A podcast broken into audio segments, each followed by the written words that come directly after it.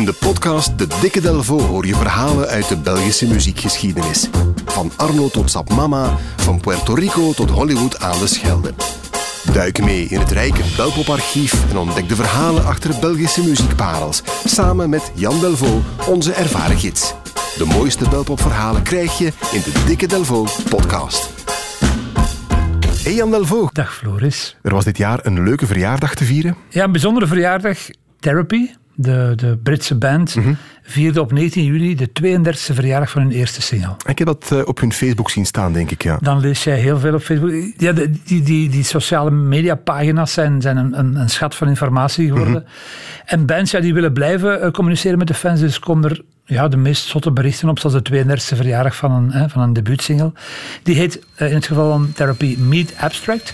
En die klinkt eigenlijk veel ruiger en ruwer dan hun grootste hits. De, de African hits van de jaren 90 waren eh, Nowhere, Die Laughing en vooral dan Diane, Diane. ja. Voilà, dus, dat. dus misschien een stukje eh, ter introductie.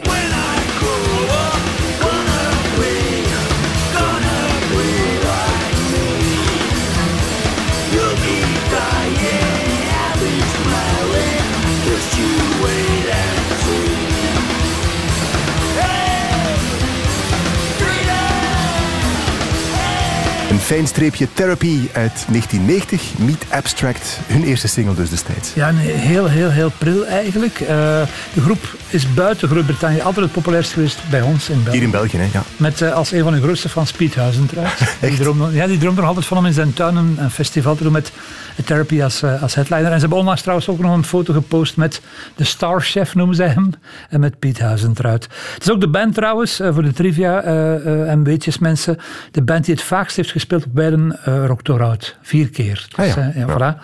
Nu, bij nader inzien is dat allemaal logisch, want bij die 32e verjaardag van die eerste single liet de groep namelijk weten dat de muziek van Meet Abstract is geïnspireerd op een Belgisch voorbeeld. Aha, daar wordt het interessant. Hè? Voilà, want Andy, de voorman, die had eind jaren 80 in een Brits magazine een stuk gelezen over muziek uit België die zeer hot was.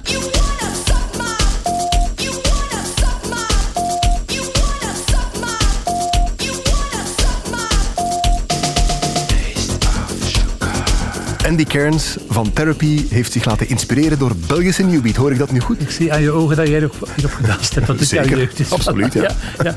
Ja, tijdens een bezoek aan Amsterdam krijgt hij van een plaathandelaar eh, de verzamelplaat Newbeat Take One in handen gestopt. Legendarische plaat eigenlijk. Voilà, met daarop de eerste Newbeat-successen.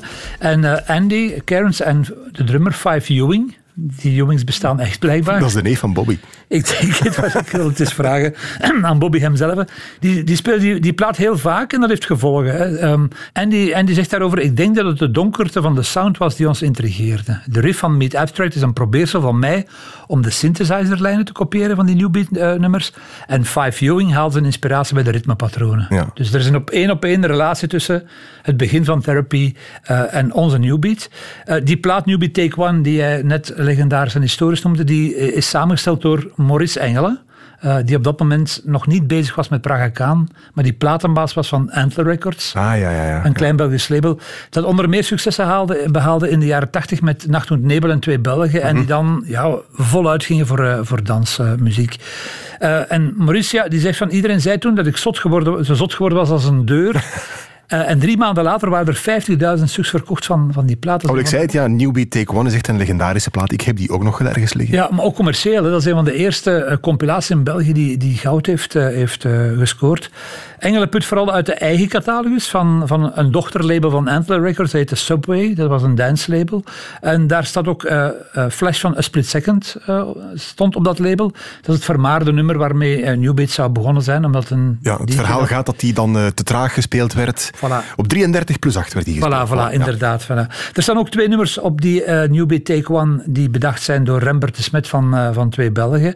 En ook eh, Maurice Engelen doet mee met een aantal projecten. Dus als je heel die plaat neemt, die is eigenlijk gemaakt door, door vijf of zes mensen die Ja. aan de lopende band toen, toen New Beat nummers maakten. Want New Beat was hot, dus moest er heel snel nieuw materiaal gemaakt worden. De grootste commerciële klepper op die plaat is het openingsnummer van Erotic Dissidents. En dat is een soort van all-star band eigenlijk.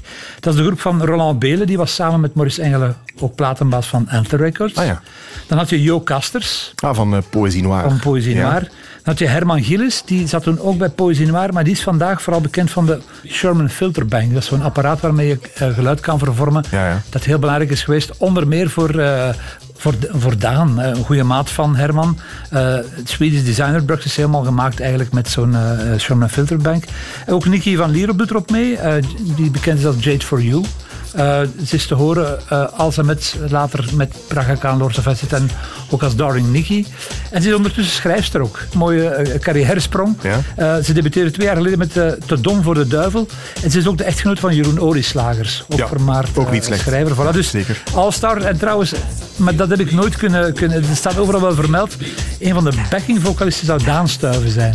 Bij Erotic Dissidents. Ja, dat is dan nog zeer jonge Daan Stuiven. Dus eh, mochten mensen daar meer over weten, het staat ergens vermeld op een muziekarchief, maar meer kan ik er eigenlijk eh, niet over vinden. Terwijl ik dit allemaal aan het vertellen ben, bedenk ik me eigenlijk dat Newbeat 35 jaar oud is ondertussen. Dus dat jouw jeugd al heel lang voorbij is. Dank u. Maar ook dat de Newbeaters van weleer, dat die ook al de 50 voorbij zijn en op weg zijn naar de 60. Ja, ja.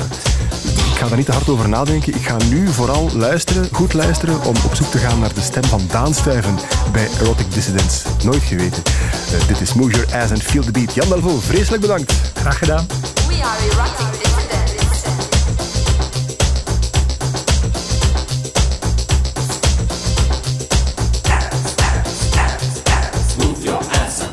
and feel the beat.